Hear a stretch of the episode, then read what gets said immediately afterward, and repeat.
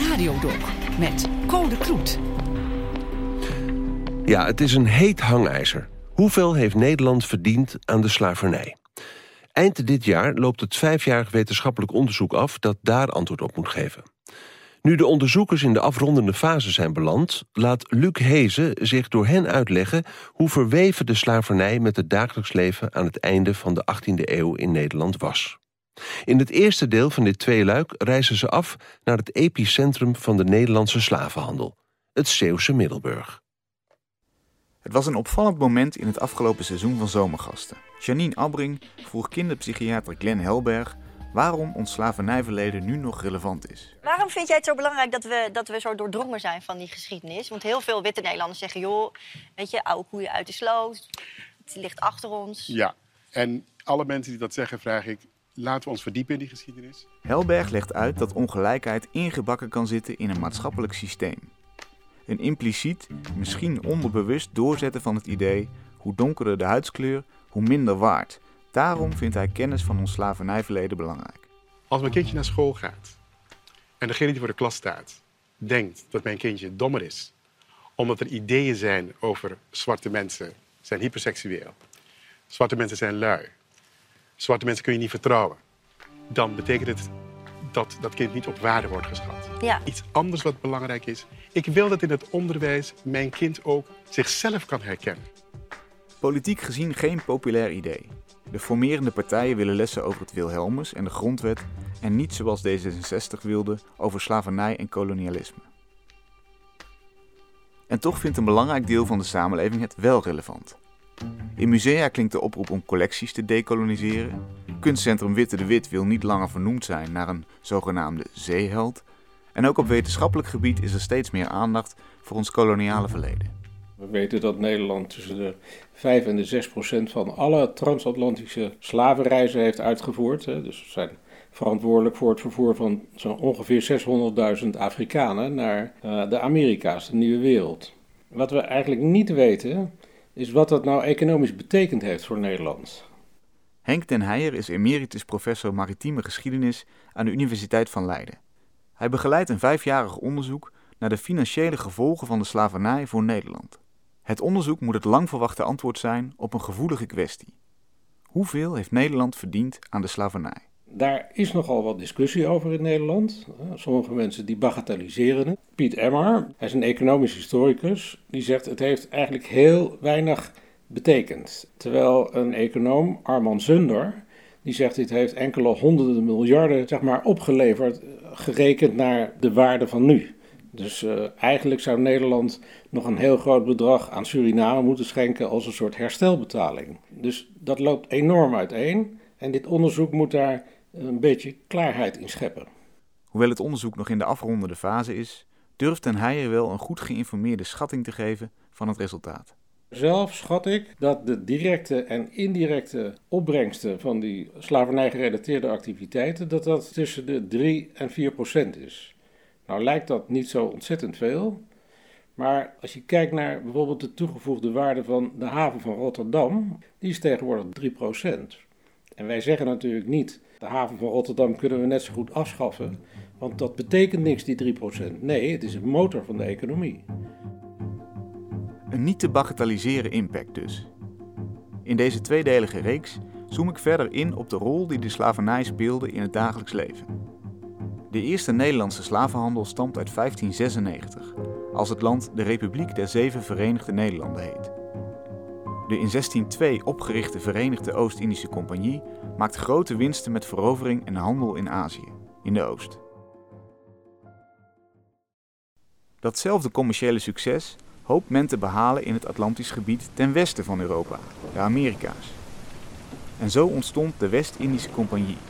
Er werden plantages veroverd en kolonies gesticht in Noord-Amerika, op enkele Antilliaanse eilanden en op delen van de Zuid-Amerikaanse kust.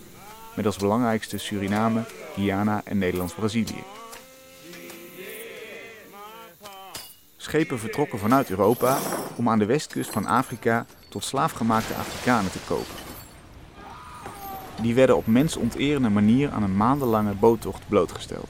En vervolgens werden ze in Amerika verkocht en gedwongen te werken op de koffie, suiker, cacao of tabakplantages. Deze aflevering ga ik met onderzoeker Gerard de Kok naar Middelburg, dat samen met Vlissingen het epicentrum van de slavenhandel in Nederland was.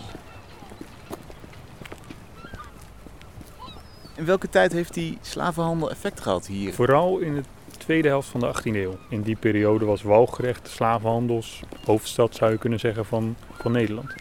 En waarom daar? Waarom die regio? De Atlantische handel in de Republiek was heel erg aan het groeien in de 18e eeuw. Er is heel veel suiker, koffie, dat werd ook steeds belangrijker. Maar dat ging eigenlijk vooral naar Amsterdam. En met die Amsterdamse kooplieden konden ze hier in Middelburg en Vlissingen niet echt concurreren. Maar wel in die slavenhandel, een heel specialistische handel. Ja, die kon wel winstgevend zijn. Dat was een soort loterij. En een reis kon heel veel opleveren, maar het kon ook grote verliezen opleveren. Daar hebben ze zich hier heel erg in gespecialiseerd, omdat ze in heel veel andere handelstakken werden weggeconcurreerd. We lopen door het kleine stadje met haar oude kern van veel roodbruine huizen. De straten hebben namen als Loskade, Dokstraat en Balkgat, die herinneren aan hun vroegere bestemming. Even kijken, nu zijn we in de Oude Werfstraat. Nu zie ik daar een soort van arbeidershuisjes en, en flats. Ja, het ziet er nu heel anders uit dan in de 18e eeuw. Ondanks de naam van de, van de straat zou je niet meer kunnen zien dat hier vroeger een enorme scheepswerf lag. Ik denk het bekendste schip wat hier ooit is gebouwd was de Zorg. Dat was een schip van de Middelburgse Commercie Compagnie die in Afrika genomen is door de Engelsen. Dus die is veroverd. Het is een van de meest beruchte schepen uit de geschiedenis. De Britse kapitein liet in koele bloeden 133 Afrikaanse slaven verdrinken om verzekeringsgeld op te kunnen strijken. De zaak veroorzaakte veel ophef en werd in Engeland vaak genoemd als reden om de slavernij af te schaffen. Helaas deed Nederland voor dit zogenaamde Zong Massacre niet onder. Nog een schip wat hier gebouwd is, is het Middelburgs Welvaren. En in 1750, op zijn eerste reis, kort na het vertrek van de Afrikaanse kust, eh, brak er een opstand uit. Een paar tot slaaf gemaakte mannen weet uit de laadruimte van het schip te komen en valt de bemanning aan. Met moeite worden ze teruggedrongen het ruim in. De tolk die op het Zeeuwse schip aan boord is, wordt naar beneden gestuurd om polshoogte te nemen en wordt vermoord. De luchtpoortjes aan de zijkanten van het schip die werden helemaal afgesloten, zodat het helemaal donker werd. Met het idee van nou, als het donker is, dan kunnen die slaven hun boeien niet meer losslaan, dan kunnen ze niet meer vinden. En toen ze de volgende morgen alles weer eens open deden om te kijken van nou, hè, het was nu stil, dus hopelijk is de opstand nu in de kiem gesmoord. Toen vonden ze dat 230 mannen, vrouwen en kinderen dood waren van de 260 Afrikanen die aan boord waren. En, en dit moet een groot ophef hebben veroorzaakt, deze hele kwestie. Nou, dat klopt. Uh, maar niet om de reden waarom wij het zo, zo gruwelijk vinden eigenlijk. Ja, want de ophef die ontstond toen het schip terugkwam in Middelburg, dat was vooral een verzekeringskwestie. Waren wel mensen, maar ja, dat waren in dit geval gewoon koopwaar. Het was wel een erg grote schadepost eigenlijk voor die verzekeraar. Niet omdat het schokkend was, het verlies aan levens. Wat schokkend was, was dat het zo duur was.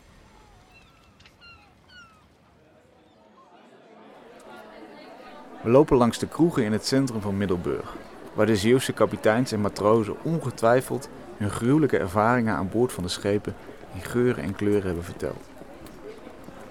Ik vraag me af of er dan niemand tegen de slavernij was, bijvoorbeeld om morele redenen. Misschien dat er een enkeling is geweest. Uh, ik denk dat de grote meerderheid van de bevolking, ja, die was er of niet mee bezig. Het was eigenlijk een, een non-issue zou je kunnen zeggen. En dat valt eigenlijk des te meer op, omdat het in Engeland wel gebeurt. Ook de meeste dominees uit die tijd steunden de slavernij. Er is zelfs een krankzinnig verhaal over een Jacobus Kapitein, de eerste Afrikaanse predikant in de protestantse kerk in Europa. Hij werd als jongetje in het huidige Ghana weggerukt van zijn ouders en verkocht aan een Nederlandse kapitein. Is hij uh, meegenomen hier naar Walcheren? Hij heeft zelf in Leiden gestudeerd, halverwege de 18e eeuw. En daar heeft hij uiteindelijk een, een reden uitgesproken. Waarschijnlijk is hij daarop gepromoveerd, dat is niet helemaal duidelijk. En die reden die daar uitsprak ging over waarom slavernij niet strijdig was met de christelijke godsdienst. Wij onderscheiden derhalve de slavernij des gewetens en der zonde van een burgerlijke slavernij. Het recht des hemels van een aardse rechtbank.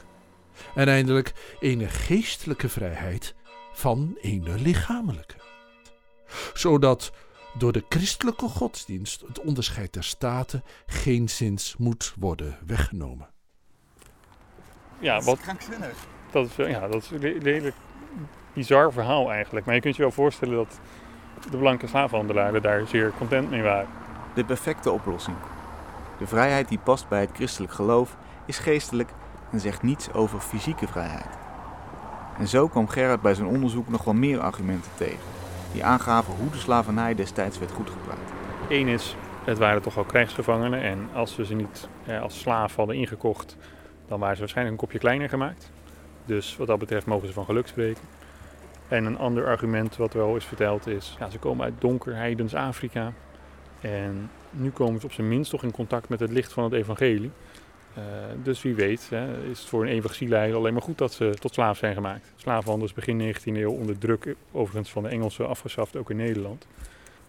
Maar ja, toen was het eigenlijk economisch al niet meer heel winstgevend. Dus daar werd al een beetje op geanticipeerd. We lopen door tot de plek waar vroeger het hoofdkantoor van de grootste slavenhandelaar zat. En waar tegenover nu het Zeeuws slavernijmonument staat. Ik denk wel dat het voor de directeuren van destijds, dus die slavenhandelscompagnie, dat het een enorm rare gewaarwording zou zijn geweest als ze in de tijd vooruit konden kijken. En zouden zien dat daar een monument voor hun voormalig hoofdkantoor stond, wat niet voor hen was bestemd. De compagnie was juist opgericht om de economie van Middelburg te versterken. Dus als iemand een monument verdiende, hadden ze ongetwijfeld gevonden dat zij dat waren. Hoe groot schat jij dat het economische belang was van slavernij voor deze regio?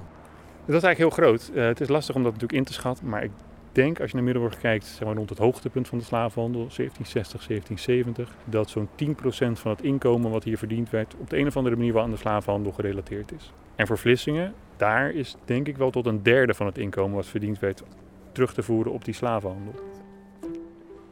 Het belangrijkste voor mij is dat, ja, dat je door gewoon zo'n Middelburgse straat loopt en dat je kunt aanwijzen van hier, hier woonde vroeger die bakker, die leverde aan slavenschepen. En hier woonde die, die kuiper, die maakte de buskruidvaatjes die, waar de buskruid in ging. En dat werd in Afrika verhandeld tegen slaaf. En dat waren natuurlijk heel gewone mensen.